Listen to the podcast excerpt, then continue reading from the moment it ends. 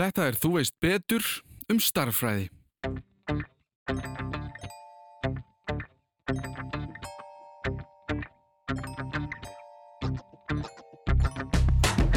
En ár 1900 var ekki löpar, ekki 1800, ekki 1700. Það er eh, sagt að það sé til uh, þrennskonar líi, það er líi, bölvu líi og, og tölfræði. Við ráðumst ekki á garðin þar sem hann er leggstur í þætti dagsins en það er viðfangsefnið allt í kringum okkur. Án starffræði væri erfitt að gera nokkur skapaðan hlut. Hún er mögulega eitthvað sem fyrir taugarnar á okkur framann af. Það er nokkur neginn bóka málað á einhverjum tímapunkti í grunnskóla mun einhver spyrja eh, af hverju þurfum við eiginlega að læra þetta í starffræði tíma. Það er ofta ekki fyrir í mentaskóla eða háskóla sem við lærum svo að starffræði kemur inn á flest svið og það er eiginlega út af því sem ég langaði til að kama eins dýbra í starffræðina. Oft líður manni eins og þetta séu bara reglur sem eru settar og maður er að fylgja þeim sem ég á persónulega mjög erfitt með því ég er eins og karakter í sögunni um Ronju Ræningidóttur og þarf alltaf að spyrja af hverju. Ég fekk til mín Benedikt Jóhannesson til að fara yfir þetta með okkur og eins og áður byrjum við á kynningu frá viðmannandum sjálfum.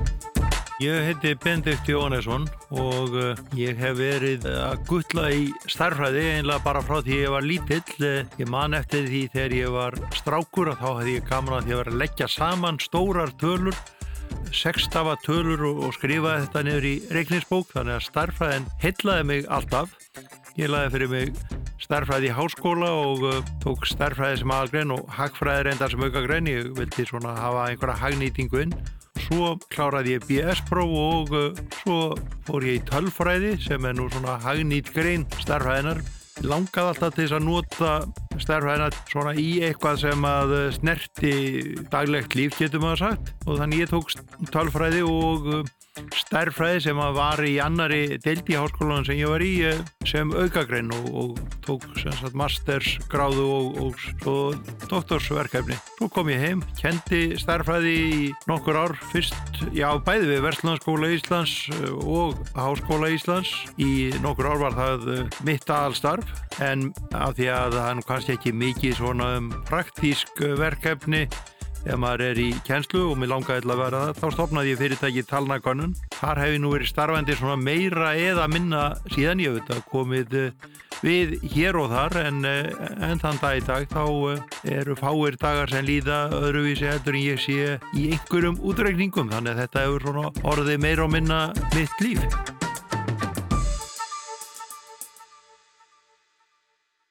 Auðvitað vitum við ekki eh, stundið að stað en eh, fljótlega, öruglega hefur fólk þurft að telja. Það eh, skiptir máli bara þau vart með fjölskyldu þá þarf það að hafa mat fyrir alla þannig að ef þú ert að týna einn ávexti þá getur þarf það að vita það hjónega fimm börn og þá þarf sjö eppli til þess að allir fái eitt eppli þannig að en þurfa að kunna þetta og þetta hugsa ég hafi nú komið mjög fljótt.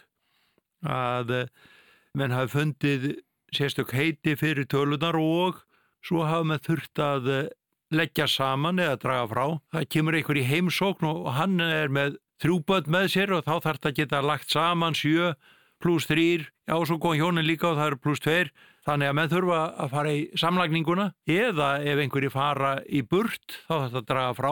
Þannig að það er ímislegt sem kemur mjög fljótlega öruglega upp.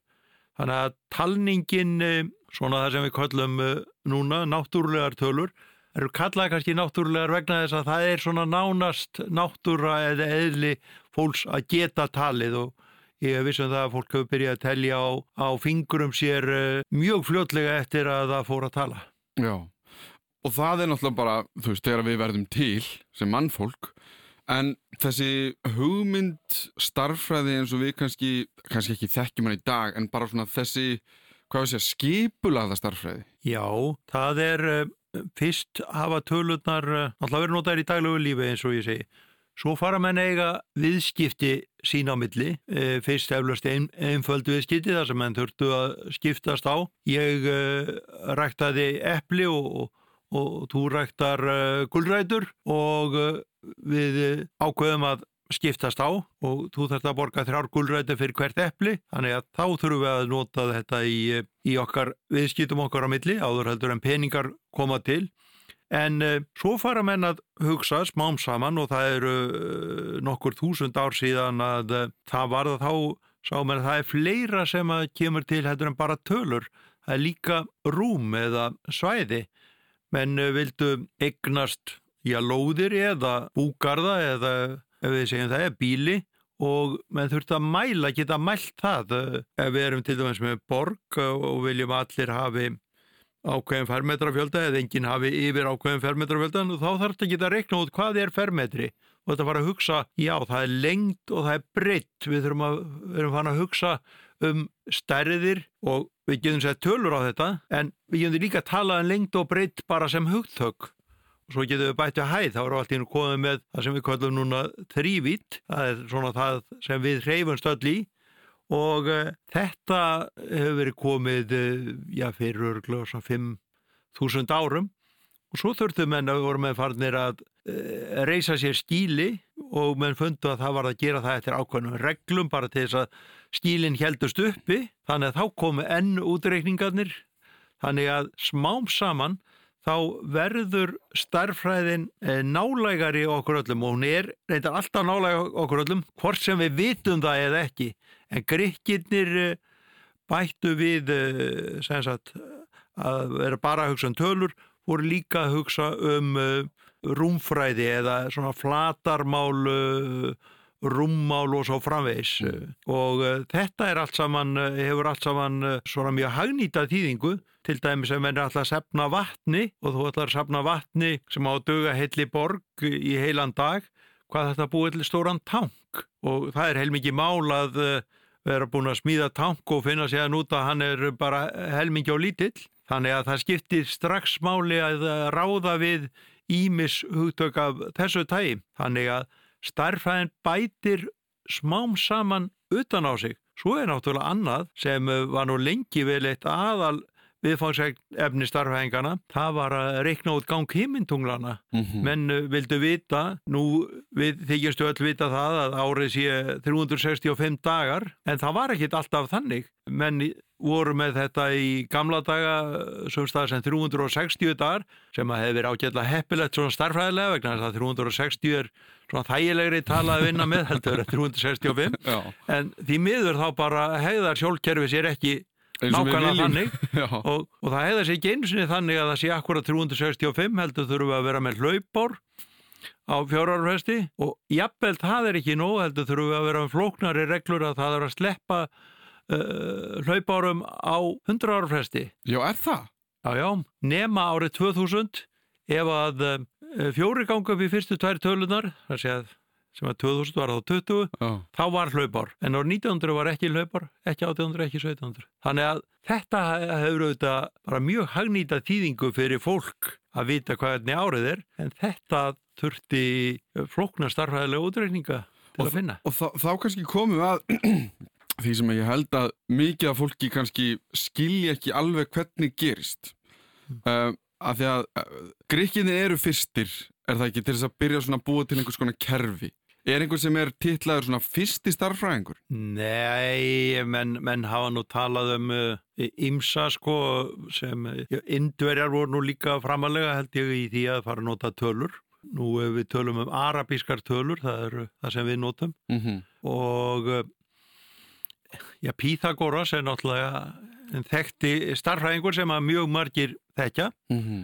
uh, út af því að við lærum uh, fljótlega reglu Píþagórusar. Evklíð, það var, eh, það var einlega svona fyrsti lógíski rúmfræðingunni, hann setti fram ákveðnar reglur og reglunar átt að vera svona sjálfsæðar og augljósar til dæmis að eh, meðli tveikja punta likur bein lína, allir uh, samþykja það Já. og um, svo segjum við, og e, ein af hans reglum sem allir samþykja líka svona án mikillar umhugsunar Það er það ef að þú er með tvær línur sem eru samsíða að þá skerast þær aldrei. Þetta vitum við bara ef við gungum eftir gangstéttum að mm. þá er, eru línur ótt sem skera gangstéttina sundur í miðju og þær skerast aldrei en uh, svo kemur kannski í ljós uh, síðar að kannski var þetta ránt hjá honum. Mm. Veit ég hvort þú komst inn á það Já. setna mér en það er eitt af því sem að er, eh, gerir starfæðina skemmtilega að jafnvel það sjálfsæða sem við höfum bara gefið okkur, það hlýtur að vera þannig vegna sem við sjáum að það er þannig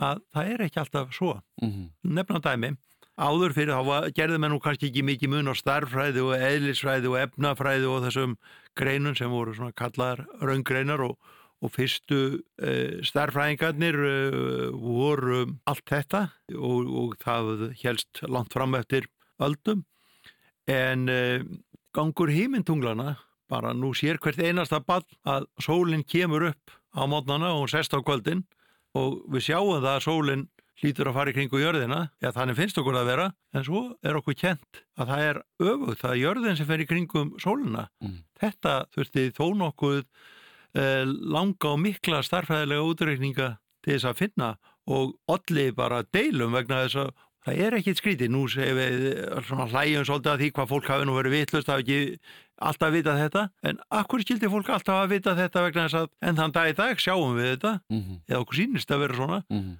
Það sem er í raun og veru er að jörðin snýst í kringum mandulsinn. Mm -hmm. Þannig okkur finnst þetta að vera svona, það er að því okkur við finnum ekkit fyrir snúningi jörðarinnar. En þetta er allt saman starfræðilega líkun sem að hafa reiknað þetta út. Þannig að það er á fjölmörgu bara svona í venjilegu, daglegu lífi kemur starfræðin við uh, sögu. Og eins og þetta dæmi, og við erum að tala um þessir eh, reik, reikna hímutunglin og allt þetta, mér líður stundum eins og að þau sem föttuðu þetta, þau sem reiknuðu þetta út fyrst allra, hafi bara verið svona klár, bara frá náttúrunar Guðs hendi, hvernig sem þú vilt orða það. Að þau hafi bara einhvern veginn fattað þetta. En það er kannski að því ég skil ekki hvernig þú horfir, augljóslega skil ég ekki hvernig fyrir mörg þúsund árum þú hafið hort upp og hugsað, hér er einhver lógík sem ég ætla að reikna út. Ég skil ekki hvað þú byrjar. Er þetta eitthvað sem að þau eru bara búa til smám saman upp frá sjálfur sér? Já, það er nú sagt um starfræðin og ég held að eigi við mjög margar greinar að hún sé 1% snillika gáa og 99% vinna. Mm -hmm. þannig að segja, menn þurfa að hugsa og menn þurfa að setja og reikna og menn þurfa að læra.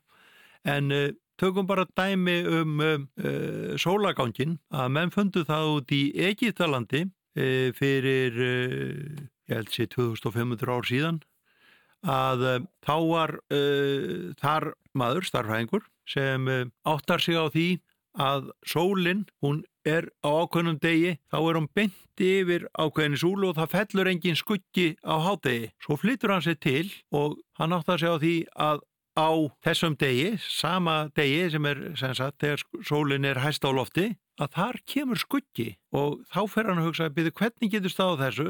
Hann hugsaður, heyrðu það lítur að vera einhver röggrétt skýring, ef jörðin væri flöt þá ætti að vera allstaðar, ætti skuggin allstaðar að hverfa mm -hmm. á þessum degi og það sem að hann gerði þarna var að hann reiknaði undir hvaða hotni fellur skuggin, hann segja mælir hann mm og svo stikaði hann út, ég held að hann reynda að fengið eh, mann fyrir sitt til að stika út hvað verður langur löng leið á milli þessar tveitja punta, út frá því gáttum við reiknað út ummáljarðar á þessu tíma, þannig að þessi hugmynd um að jörðin væri nöttur hún var komin fyrir 2500 árum hún bara breytist ekkit mikið út.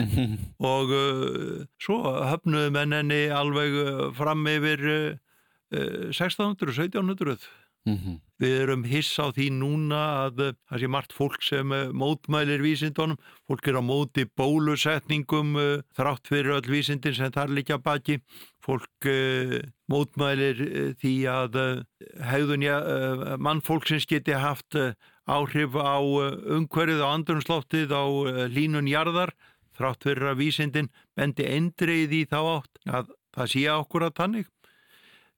Þannig að það er ekkit nýtt að fólk hafni uh, vísindónum mm. og þetta er laungu erfið baráta. Ég veit nú ekki hvort það eru margir til en þá sem halda jörðin sé flött. Merkilega stór ópur. En, en það er eflaust eh, til. En, en nú er náttúrulega búum við það að það geta allir farið já, umhverjus jörðina, minnst að kosti gægætu öðrættu peninga til þess að fljúa. Já. En ef við förum það áfram frá, já, ef að segja, indurum, arabum, gríkjum og færum okkur kannski aðeins að þú tala allir um þessum 1600 að því að Píþagoras sem held, ég held að allir þekki að því það er náttúrulega bara held ég það, ef einhver mann eitthvað nafn úr grunnskóla þá er það held ég Píþagoras hvernig þróast starffræðin svona áfram eftir, já, þetta er náttúrulega einhver þúsund ára en, en hvernig svona er einhver svona stór stökk sem hún tekur? Já, þá má einlega segja það að um, það sem gerist uh, eftir krikkina og uh, svo eru við með, uh, já, það einlega endar svona svolítið á rómverja tímabilinu, það verða þessar myrku miðaldir sem menn, menn þekkja og alveg fram að endurreysninni þá fara menn að, að svona rannsaka aftur hvað, hvað hafði verið gert uh, að þá einlega uh, hverfur mikið af þessari þekkingu Á, á, myrk, á myrku miðaldum, já. já. Það var náttúrulega ekki til prentlistin þannig að þessu var ekki dreift víða. Uh, það er svo lítið erfitt að hafa starfræðaformálur svona í munlegri geimt. Mm -hmm. Það er hægt að gera það með ljóð eða eitthvað þínlíkt. Þetta er ekki skemmt í sögu kannski? Nei, það er svona erfiðara og, og, og sérstaklega að, að dreifa því þegar að menn höfðu ekki þau tæki.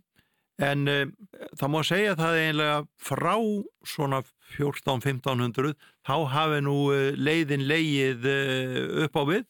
Það er að segja að það er alltaf að verða til meiri og meiri þekking og margt af þessari þekkingu hefur reynst vera mjög gaglegt. Við tökum til dæmis bara eitthvað tæki sem núna allir nota daglega. Það eru tölfur, við erum með tölfur Kvallaða kannski ekki tölvur, kvallaða síma en, en það eru auðvitað tölvur sem uh, eru til, uh, já, ég hugsa að sé að fáur íslætikar sem eru ekki með farsíma og uh, þar er þessi tækni nótuð og þar er nótuð tækni sem mörgum fannst mjög torskilinn, það er að segja að við erum með ímis talnakerfi og það er til talnakerfi sem er bara, nota bara tölna 0 og 1 mm -hmm. og þetta var notað í fyrstu tölvunum, það er að segja það var annarkvort kveikt á einhverju rofa eða slögt á einhverjum, menn hugsa að þetta er bara eins og tölunda 0 og 1 út frá þessu eh, þá var þetta þróa heilmikla tekni e, þetta e, þessi, þetta er svona þetta tvíunda kerfi, þetta var nú um tíma og ég held að það sem ágæta fólk viti að það er til en það þurfu ekki allir að kunna það mm -hmm. en þetta er samt sem áður líkillin að mikillir framþróun sem við njótum öll góðs af stöðugt. Mm. Þannig að það er bara mjög margt sem hefur verið rétt átt. Líkindareikningurinn, við tökum það nú, eh, það er, já núna er margir að spekula í pólitík og skoðanakonunum og skoðanakannanir það byggja á því að það er spurt, spurður ákveðin hópur kannski 500-600 manns eða, eða 1500 manns. Nú eru Íslendingar auðvitað miklu fleiri heldur en 1500 eh, og fólk hugsa að byrja hvernig getur eitthvað úrtak upp á 1500 eða jafnvel minna eh, endur speklað eh, skoðanir allra Íslendinga. Baki þessu er ákveðin e, talfræði, heilmikil fræði Þetta hefur orðið til á, að, já, hluta til á 20. en þetta á sér dýbri rætur aftar og það sem er kannski ennþá meira heillandi í þessu er það getur verið með mjög fínar skoðanakannir á Íslandi að sem eru 1500 manns en það er líka hægt í Tískalandi að vera með mjög fínar skoðanakannir það sem eru bara 1500 manns eða bandaríkjónum. Ef e, úrtækið er rétt valið af handói og menn svara sannleikanum samkvæmt að uh, þá sínir uh, sínafræðin að þau endur speikla mjög vel uh, raunveruleikan. Mm. En af því að við tölum um kannski, eins og segjum, Indland, arabísku tölunar, Gríkland, að þá líður mér að minni svona, ekkert sérstaklega yfirgrips miklu þekking á starfræði að þau nöpp sem maður heyrir meira eftir þessar myrkum í aldir eru þýsk, rúsnesk, en það er kannski, eins og ég segi, mín litla þekking. Hvenar förum við samt að fara frá þessum, ef að segja starfræðilega að reikna umhverfi í kringum okkur og hvað við sjáum og heyrum og upplifum í þetta sem að kannski margir þekkja sem meiri abstrakt starfræði það sem við út með A, deilt með B við erum með algebru og allt þetta. Já, það gerðist nú strax á dögum Gríkja mm satt að segja og, og að mennu voru að velta þessu fyrir sér og, e, og, það hafa verið úrvalstarfræðingar e, mjög margir á mörgu þjóðunni Ítalir voru framalega frakkar voru framalega til dæmis, já, í, í svona endur talnafræði líkindarekningi Newton Mm. var, var nú uh, bara einhver mest í vísindamæðar allra tíma og sem er telja mesta starffræðing allra tíma og hann var englendingur Mhm. Og uh, við uh, eh, höfum dæmi náttúrulega núna segi setni árin um um bandaríkjaman og, og þetta, nú er þetta orðið mjög uh, drift um allan heim sko Mhm. þannig að það hefur nú ekki verið einokað setni árin af neittni þjóð Nei. uh, starffræði þekkingin en þetta er ágætt og komst inn á þetta vegna þess að til dæmis Newton sem menn, menn þekkja nú að hafi verið sá sem að hafi svona hugsað upp þingdarlögmálið hann uh, fann líka upp uh, diffur regningin sem er uh, það sem er kent í metaskóla og þá fara margir að klóra sér í kollinum. Af hverju þurfum við að regna þetta? Og, og við munum nú ekki fara djúpt í hann en, en hann er notaður mikið í verkfræðilegum og hagfræðilegum útregningum en á sama tíma þá var annar maður, Leibniz í Tískalandi var að vinna með sambærileg hugtök og fann í raun og veru líka upp þennan uh, diffur og tegurregning en vegna þess að fólk skiptist í lið þá notaðu þjóðverjar og uh, breytar uh, sitt hvort merkjamálið í starfæðinni lengi vel. Að svona eimir enn svolítið eftir af, af þessu. Mhm. þar að segja þjóðverðnishyggjan kemur nú inn í víða og til dæmis í, í starfæðina Og þetta var allt, allt keppni. þetta var uh, já að sumuleiti var þetta keppni og þetta er keppni ágætt en núna held ég í vísindunum þá sjáum við miklu meira uh, samvinnu heldur en keppni en En auðvitað er það svo lítið eh, þannig að menn vilja vera fyrstir Mhm. og vilja, eh, minnst kosti ekki kjafta frá því sem er að gera við einhvern sem gæti stólið hugmyndinu þeirra. Mm. En þessi starffræði sem grein, það sem þú ferð úr læri starffræði og síðan fyrir dýbri starffræði, er það, hvenar verður það einhvern veginn, þú veist, hvenar byrjar fólk að vera einmitt háskólamenta bara í starffræði, af því að sumir kannski horfa á starffræði sem hagnýtan hlut til þess að nýta í eitthvað annað, eða þú ætlar að fara að vinna sem verkfræðingur eða Já, eiginlega náttúrulega bara í hverju sem er nánast að þá þarftu einhverja starffræði en þessi starffræði sem bara grein þar sem þú ert að til reglur leysa starffræðileg vandamál ef við höfum séð Good Will Hunting eða fleira svona á, a, sko Beautiful Mind einhverja þannig myndir um starffræðinga hvenar gerist það?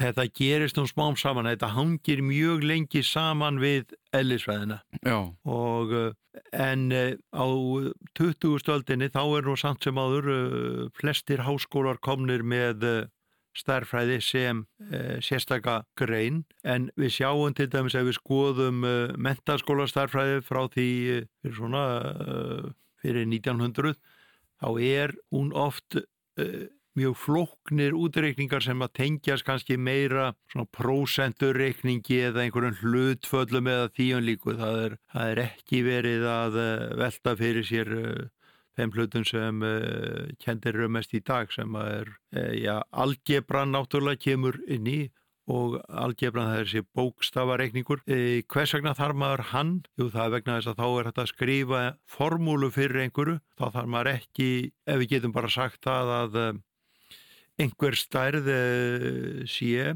til dæmis, já, tökum bara reglu Píðagórsar, sem segir að í hotréttum þriðingi þá er A í öru pluss B í öru játt og C í öru mm. og með því að kunna þessa formúlu þá getum við alltaf reiknað út langliðina í öllum rétthendum þriðningum. Mm. Við þurfum ekki að vita það að þetta gildir um uh, þriðninga þar sem að hliðin er þrýr og fjórir að þá verði langlegin fimm. Heldur getum við nota þetta uh, ef að hún er sjö og átta þá getum við reknað út. Mm. Og við getum bara sett Já, inn í staðan setjum bara inn Já. í, í formúluna. Já. Þannig að uh, það var, uh, það er mjög mikilvægt og ég held að flestir hafi nú kannski skilning á því. En svo er það uh, af hverju þurfum við uh, uh, þennan diffur og tegureikning og svona í daglegu lífi þurfum við nú kannski ekki allt þetta. Hvað þurfum við í daglegu lífi? Eða það sé mjög gaglegt fyrir uh, svona venjulegt fólk bara sem ekki er í einhverjum starfræðilegum greinum að á að, kunna svona þessar fjórar reikni aðgerðir, uh, samlagningu frá drátt, markvöldun og deilingu og svo er mjög gott að kunna prósturreikning. Það er ágætt að geta lesið línuritt og vita eitthvað um talfræði. Mm. það er uh, svona það sem að ég til að sé nöðsynlegt öllum Mm. vegna þess að uh, það er uh, sagt að það sé til þrenskonar líi, það er líi, bölvu líi og, og tölfræði og uh, það er vegna þess að pólitíkusar misnota mjög oft tölur, þeir segja og ekki bara þeir núna hagsmuna samtök og fleiri þeir segja já þetta er svona og tengja ekki við það sem er uh, raunverulegt og fólk sem hlustar á þetta og jafnvel þú og ég ef þetta er ekki eitthvað svið sem við höfum eitthvað dingripi kinka kolli og segir já ákkurat þetta er svona, bara nýlegt dæmi. Það var uh, uh, tweet sem fór á flakk held ég bara núna fyrir nokkrum dögum. Og þar var sagt uh, 1,25% auðleðarskattur gefur ekki, kostar ekki nema 1250 krónur á hverju miljón og þetta fekk uh, fjölmörg læk og, og var uh, deilt alveg endalust en þannig munaði bara því miður einu nulli. Það er ekki 1250 krónur sem átt að sína það að þess- þessi skattu væri einlega ekki neitt Mm heldur er þetta 12.500 krónur. Og það munar Það munar uh, bara tölu verðu. Já, En þarna voru, já, týjir ef ekki hundruð manna og ekki einhverji kjánar, heldur sæmilega upplýst fólk sem stoppaði ekki Mhm. til þess að hugsa. Það er líka þannig að þannig að það er mjög margar tölur sem eru svo stórar að við náum ekki að skilja þær. Miljón, jú, það er nú tölvað þannig að fólk býr í íbúðum sem kostar, uh, já, kannski 40, 50, upp í 100 miljónir, uh, það eru tölur sem fólk skilur. mm En uh, þegar þú farin að tala um miljarda eða tala nú ekki um sko hundruð miljarda eða uh, þúsund miljarda, voru við að tala kannski um fjárlög Mhm. landsins, þá er þetta tölur sem eru okkur svo fjarlægar vegna þess að þetta er ekki eitthvað sem við erum að nota á hverjum degi. -hmm. Við höfum ekkert skinnbrað fyrir Já, það er bara, já, það er bara mjög erfitt að hafa skimbrað á, á svona tölur mm og hvort myndur þú freka vilja eiga uh, þúsund miljarda eða biljón. Ég heldur að þetta er platspörning Já, En það ekki, er þetta ekki sami hluturinn? þetta er samið hluturinn. já. já, já. Já, En það er nefnilega, það, eh, fólk þarf að hugsa sig um, Já. við hvað, hvað er hér í, í Ég held bara að þetta væri platspurninga því að ég vissi að það yrði að koma eitthvað hérna, í kjölfara umræðu Já. sko. Hefur sagt þetta við mig bara út á götu að þá er ég ekki alveg vissum að ég hef, ég hef þurft að hugsa býtu, hvað er biljónattur? En, En- þetta eru bara orð í raun, í þetta, haustum þetta á eru mér bara orð eh, fyrir okkur flest og uh, þegar við ekki, höfum ekki einhverja viðmiðun að þá er þetta mjög erfitt að, að skinja þetta. Mm. Þannig að þess vegna er það mjög mikilvægt að þeir sem er að fara með tölur reyni að skýra þær með einhverjum dæmum sem uh, já, höfða til uh, þeirra sem er að lesa eða, eða lusta. Samlægning, frádráttur, margföldun og deiling er eitthvað sem við ættum öll að vera með á hreinu. Prósendureikningur kemur sér vel, en einnig að þekka tölfræði örlítið svo að sé að minnst ekki svo auðvelt að blekja okkur. Við byrjum að telja á fingrum annarar handar, líklegast um leið og við þurftum að finna út úr því hvað væri nóhand okkur í matinn, sérstaklega að væri að koma gestir, voru það 5 eða 10 epli sem dögðu. Svo förum við að pæli heiminum í kringum okkur og sér í lagi heimintunglunum, hvort það séu við sem snúist í kringum sólu eða öfugt. En hvað með starffræði í dag? Hvað er hún að fást við?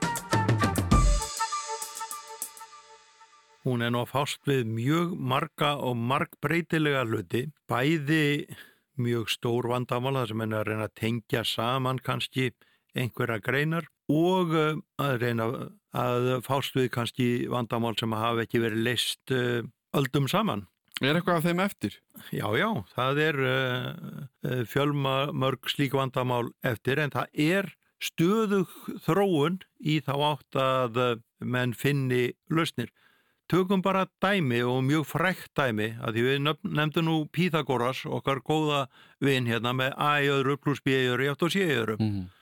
Mjög flott uh, regla sem uh, er svo flott að svo flestir muni hana þó þið muni nú ekki nákvæmlega hvernig átt að nota hana að um, þá fóru starfræðingar að hugsa já það eru til svona tölur hvað með í þriðja pluss B í þriðja játt og C í þriðja veldi það er sem sagt uh, ef við tökum bara hvað er talað í þriðja veldi það er uh, tveir í þriðja veldi það er tveir sinnum tveir sinnum tveir það er átta. Uh, þrýr í þriðja veldi er þrýr sinnum þrýr sinnum þrýr 27 Nú, uh, menn prófa að leggja þessar tvær tölur saman og fá 35, nei það er ekki talað í þriðaveldi og svona heldum menn áfram og, og reynda að finna einhver löst, fannst engin stík löst menn prófaði þetta með fjóruðaveldi og heldu síðan áfram.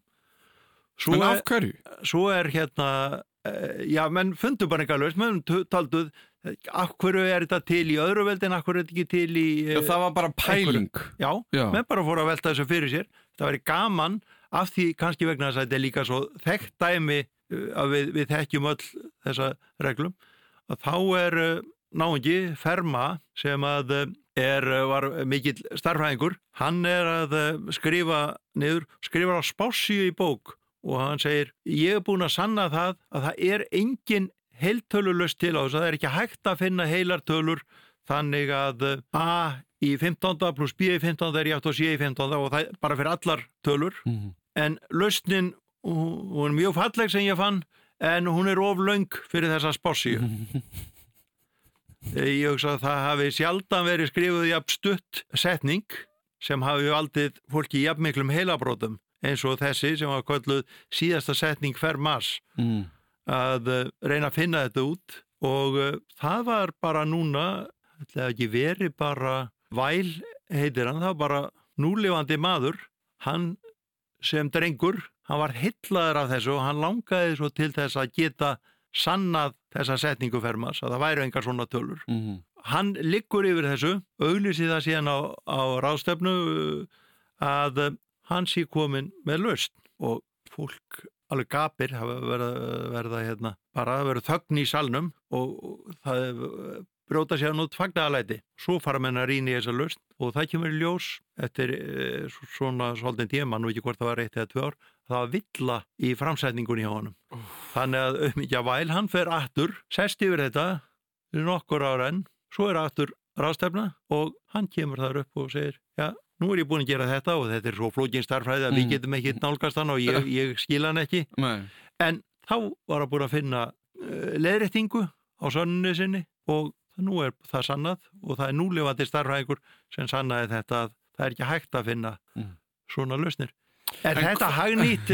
Nei, þetta er kannski ekki hagnýtt en það er gaman samt að vita þetta. Já, algjörlega, en það er það sem ég pæli svo mikið í að sko hvaðan koma þessi starfræðilegu vandamál sem fólk er að reyna að leysa? Er þau komin upp, upp, úr, upp úr einhverju þar sem að við erum að reyna að útskýra eitthvað náttúrulegt eða eitthvað er þetta tveir hópar, einn hópur sem er að búa til vandamál og annar hópur sem er að leysa þið? Já, allir hérna, menn möndi ekki segja að þetta verður svona eins og í pólitíkinni sko, að það verður hérna pólitíkosa sem byggju til vandamál og ennbæðismenn reynda að leysa þau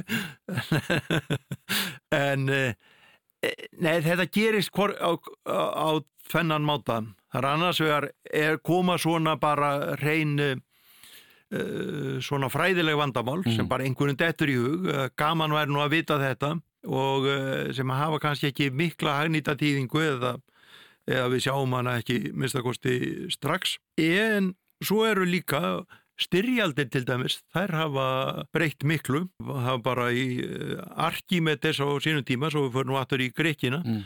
hann fann upp í mig stríðstól, notaði þar starfræði útrekninga til þess að uh, hjálpa sínum mönnum í, í stríði.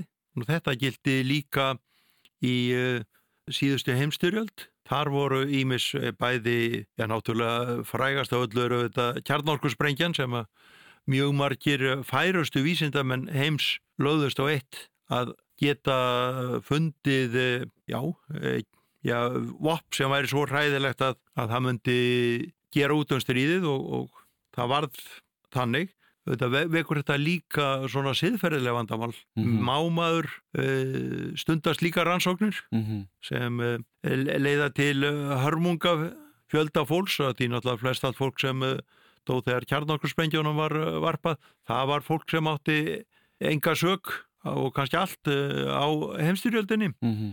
En svona var þetta, það, þannig að það, það gerist, það, við tökum nú vandamál sem að líka kom upp í heimstyrjöldinu en, en er nú svona kannski ásumuleiti ekki eins og ógnalegt, það var í sambandi við dullmál, mm -hmm. menn voru að senda skeiti uh, til hersveitana frá höfustöðunum og þau voru sendt, það var náttúrulega því er ekkit að segja ráðist á uh, borgina klukkan þrjú einhverja herdelda því að ef að það var sendt eh, með eh, Þá skeiti vissu- þá gáttu allir lesið það strax. Já.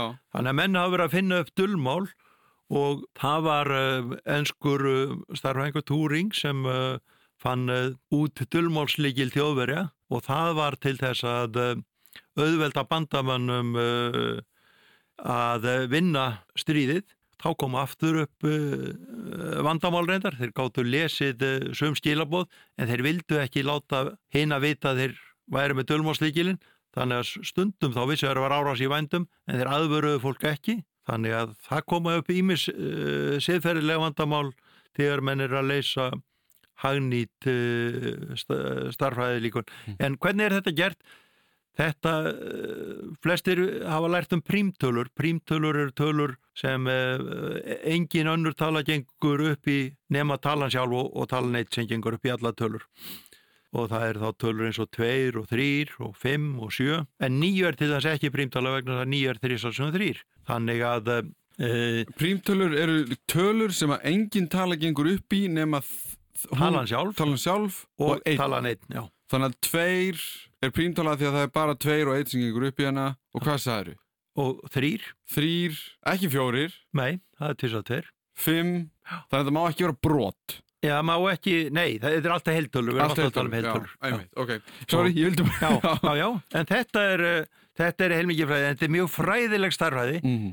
en svo kemur í ljós að þetta, þessi mjög fræðilega starfræði, sem menn stunduðu einlega bara á áhuga og, og byggu til ímis vandamál, sem sagt eins og uh, við vorum að tala um áðan, sem að virtust hafa bara fræðilega, uh, já, en, enga hag- hagnýtingu. Það kemur í ljós að prímtölur, ef þú ert með mjög háar prímtölur, kannski 17 stafað prímtölur eða 100 stafa langar prímtölur, En Getur þá- það verið? Já, það, það er nefnilega ein fræg sönnun sem að sannar það að prímtölunar eru óendanlega margar. Það er alveg sama, þú getur alltaf fundið og þú finnur einhverju prímtölu, þá er alltaf til stærri prímtala og það er eitt af því sem menn er að leika sér að alltaf, það er að finna stærstu prímtöluna. Þannig að það er uh, Ok. eitt leikur, en þarna er þetta notað í gerð uh, sem sagt dullmála, dullkóðunar Mhm. og uh, þú getur ekki leist þetta nema þú vitir einhverja tvær ofurstóra prímtölur, hvernig þær eru markvaldaðar saman. Uh, þetta er þetta er náttúrulega skemmtilegt dæmi um hagnýtingu á einhverju sem verið vera algjörlega fræðilegt. Mhm. En svo höfum við náttúrulega dæmi um starfræði, það sem við sjáum bara í daglegu lífi að menn uh, mistökla. Það er að segja rökfræðin. Það er að uh, tökum bara dæmi að uh, menn sjá, það er að þykja að sjá það að til þess að fá góðan fótboltamann, þá er þetta borgunum mjög mikið. Mhm. Þannig að við getum sagt frem fulliringuna að allir góðir fótboltamenn hafa mjög há laun. Mhm. Allt í lagi. Eitt leiðir af öðru. Já, Já. En sumir hafa mistúlkað þetta og sagt, heyrðu, njá, heyrðu, þá trýtur að líka vera þannig að allir sem hafa mjög há laun og er í fótbolta verða mjög góðir. Mhm. En það er auðvitað ekki þannig. Það, það væri hægt að borga mér afar há laun í fótbolta en ég er því ekki Messi eða Ronaldo sko við það. En þetta er bara þessi mjög oft snúi við í daglegri umræðu Mhm. og uh, það er einlega það er annað sem að væri mjög gott að væri kent já, minnst í mentaskólum uh, væri svolítil raugfræði fólk svona áttaði sig á, á þessu Mhm.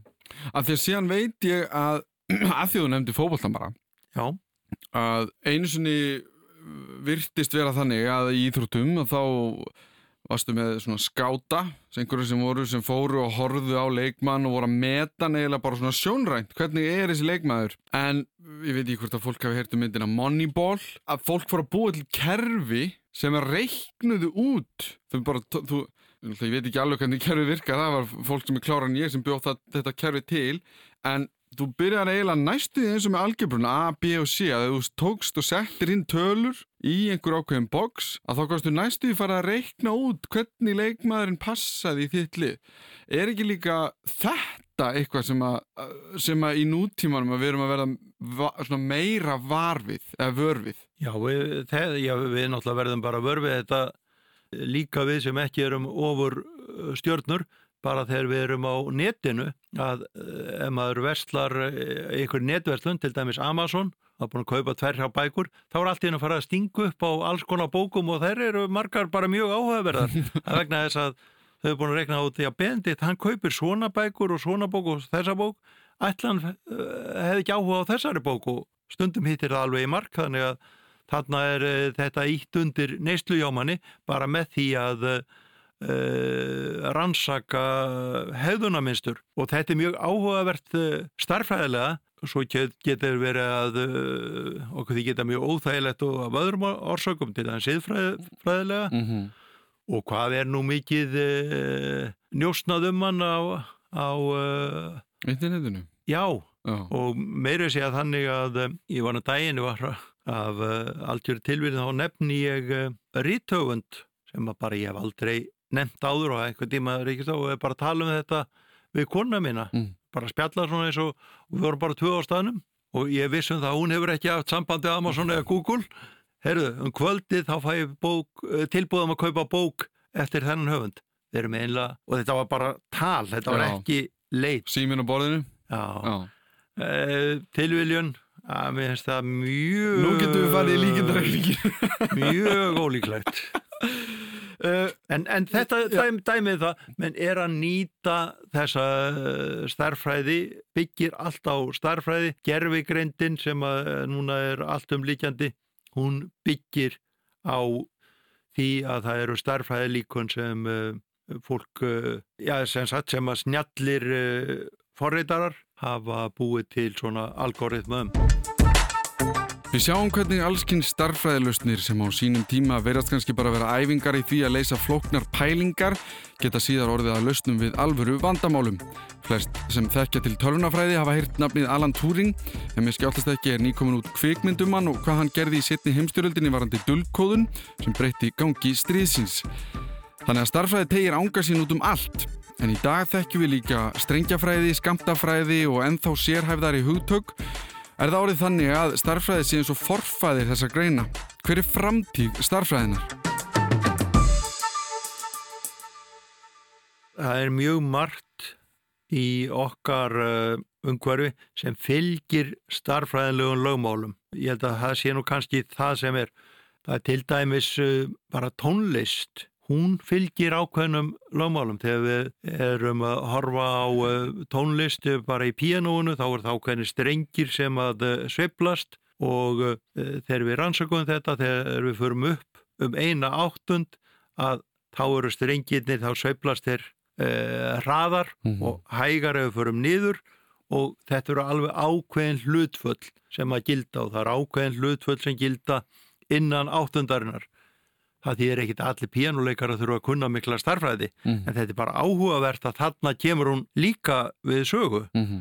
og ég meina hún kemur líka bara við sögu hvernig við heyrum og hvernig við hlustum já, og hvernig hátalar virka það, það er náttúrulega þessar sömu bylgjur sem mm -hmm. að mhm. þarna eru að, að skella á okkur ég nefna kannski alveg bara því að fólk pæla ekkert mikið í því sko nei, nei, að nei, allir hátalarar og allt sem við heyrum er reiknað út já kannski sem betur fyrir maður er, er, er, er nú hérna en, en þá skrítnar er maður alltaf að hugsa um þetta.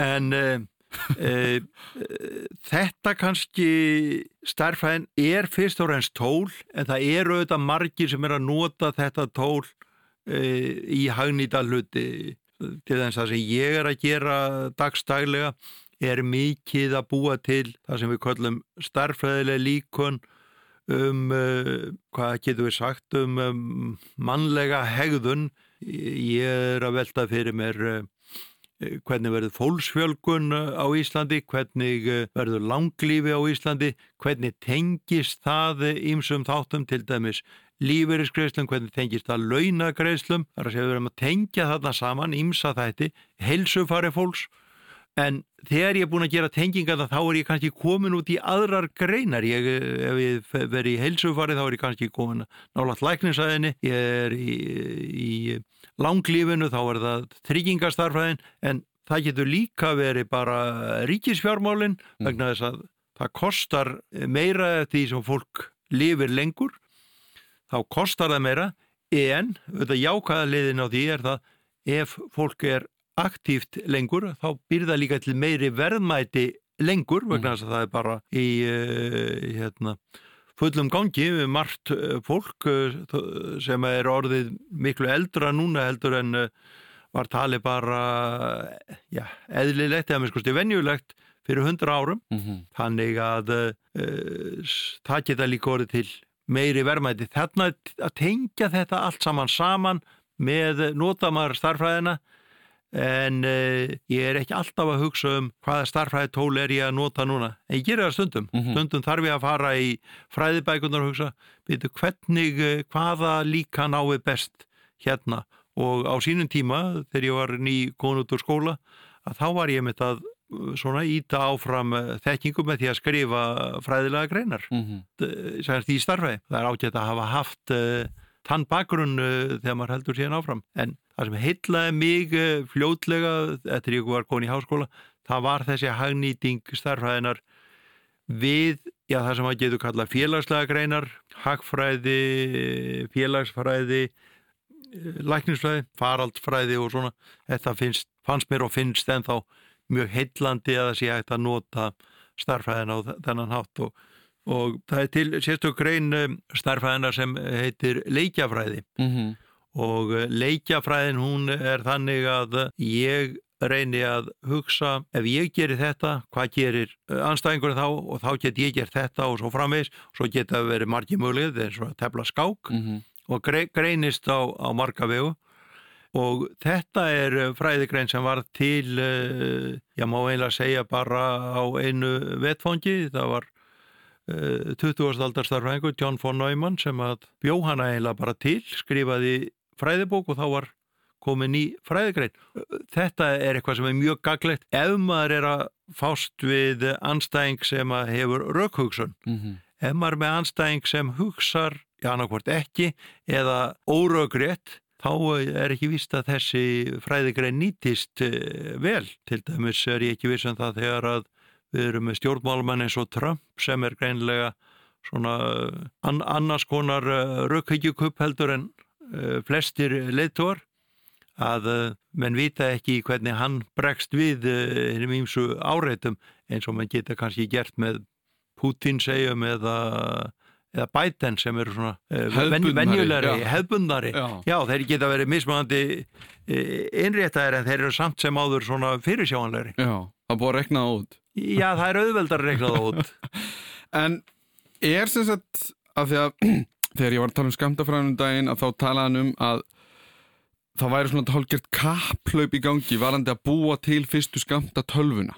Það verði að reyna að leysa einhverja jöfnu eða vandamál og þau sem væri fyrst til að leysa hana, það væri svona þetta eureka moment sko. Eru svona kapplaup í gangi, er framþróun okkar sem bara, og nú er þetta stór spurning, sem bara mannkinn eða samfélags eða sem við, hvernig sem við viljum orða það falin í þessum sko vandamálum sem við erum að reyna að leysa sem er orðin kannski svona flóknari og stærri en þegar þú leysast að þá tökum við svona tæknistök E, ég hugsa að þetta sé minna í starfræðinni heldur en víða annars þar. E, ég hugsa meiri samvinna þar, e, ekki það að e, það er, e, já eins og dæmi sem ég nefndi áðan um Newton og Leibniz, það er mikill ríkur milli manna og, og svo ræðins, þeir eru ekki döruvísi heldur en annað fólk að því leiti en enga síður vegna þess að þeir eru yfirleitt ekki, það er ekki þannig að eh, menn verði opbúslega ríkir ef að þeir leysa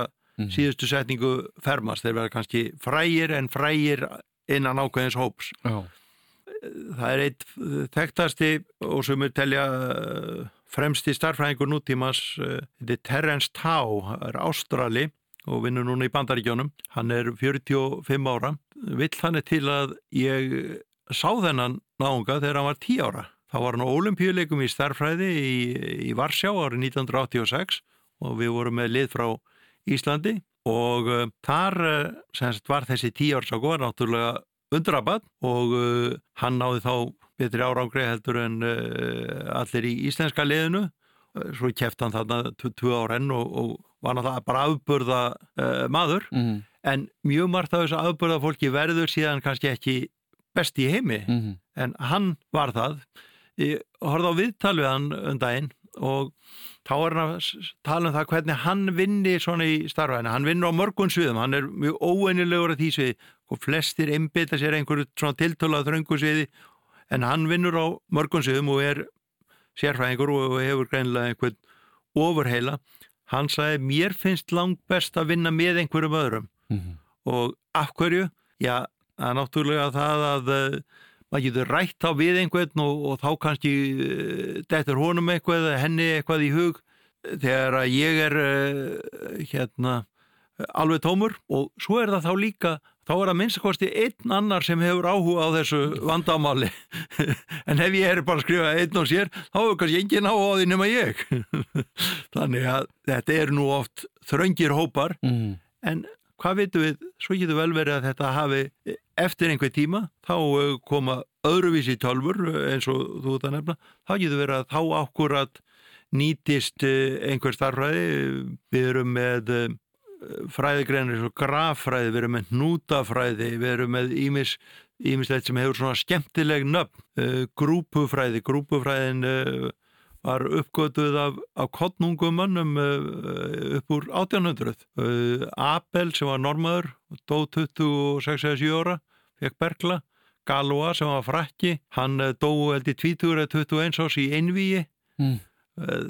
en á þessum tíma var hann búinn að finna sagt, þessa svonumdu já, finna þessa svonumdu galúa fræðigrein mm. sem hefur bara valdið byltingu í raun og veru í starfræðinni. Það er erfiðara núna fyrir svona kottnúnd fólk að finna einhverja hérna, eitthvað sem byltir allir starfræðinni vegna þess að um, það bara komið svo langt fræðigrein en hún mun halda áfram að þróast alveg uh, já, enda lust mm. tel ég hvort það mun allt hafa hagnýtingu, það vitum við ekki. Og svo er það stundum, þá þarf bara að vera einhver sem er með vandan og hann þarf líka að annarkvært þekkja einhvern sem að er með tæki sem gæti listvandan e, eða þekkja það sjálfur. Mm -hmm. þannig að þarna þarf maður ákveðin koktel sem er kannski ekki alltaf til Nú þegar við erum komin að lokum þáttarins likur kannski augum uppi að þið kunni ekki allt í einu strjála starffræði eða geti sest niður og fundi út hvort að jafnannans píþákvara saldi vatni eða ekki. En tilgangurinn með þættinum var kannski frekar að reyna að svara spurningunni en af hverju þurfum við að læri þetta. Það rann upp fyrir mér að starffræði kunnotta er ekki eitthvað sem að maður fæðist endilega með þó í sumu tilvægum geta það vissulega verið raunin. Ég til dæmis var aldrei að leggja saman stórar tölur í barnæsku eins og Benedikt, heldur frekar að taka sjálfum upp á segulband og þykist vera fræg rockstjarnaspilland og golfkilju í stað gítars, en hver hefur sinn hatt eins og einhver sagði. Þú verður ekki alltaf nú góður eða góð í starffræði, það þarf æfingu sem við getum alveg viðkjönda er oft alveg hundleiðilega maður skilur hann ekki. Ég vona því að starffræðin sé aðeins personlegri fyrir okkur en hún var áður, eða minnst að kosti ekki fjarlæg. Ég þakka Benedikti fyrir komuna og fyrir að útskýrta fyrir okkur og minni á postin allimarat.ru.is eða einhverja spurningar eða ábandingar. Ég þakka svo fyrir mig. Þetta var Þú veist betur um starfræði.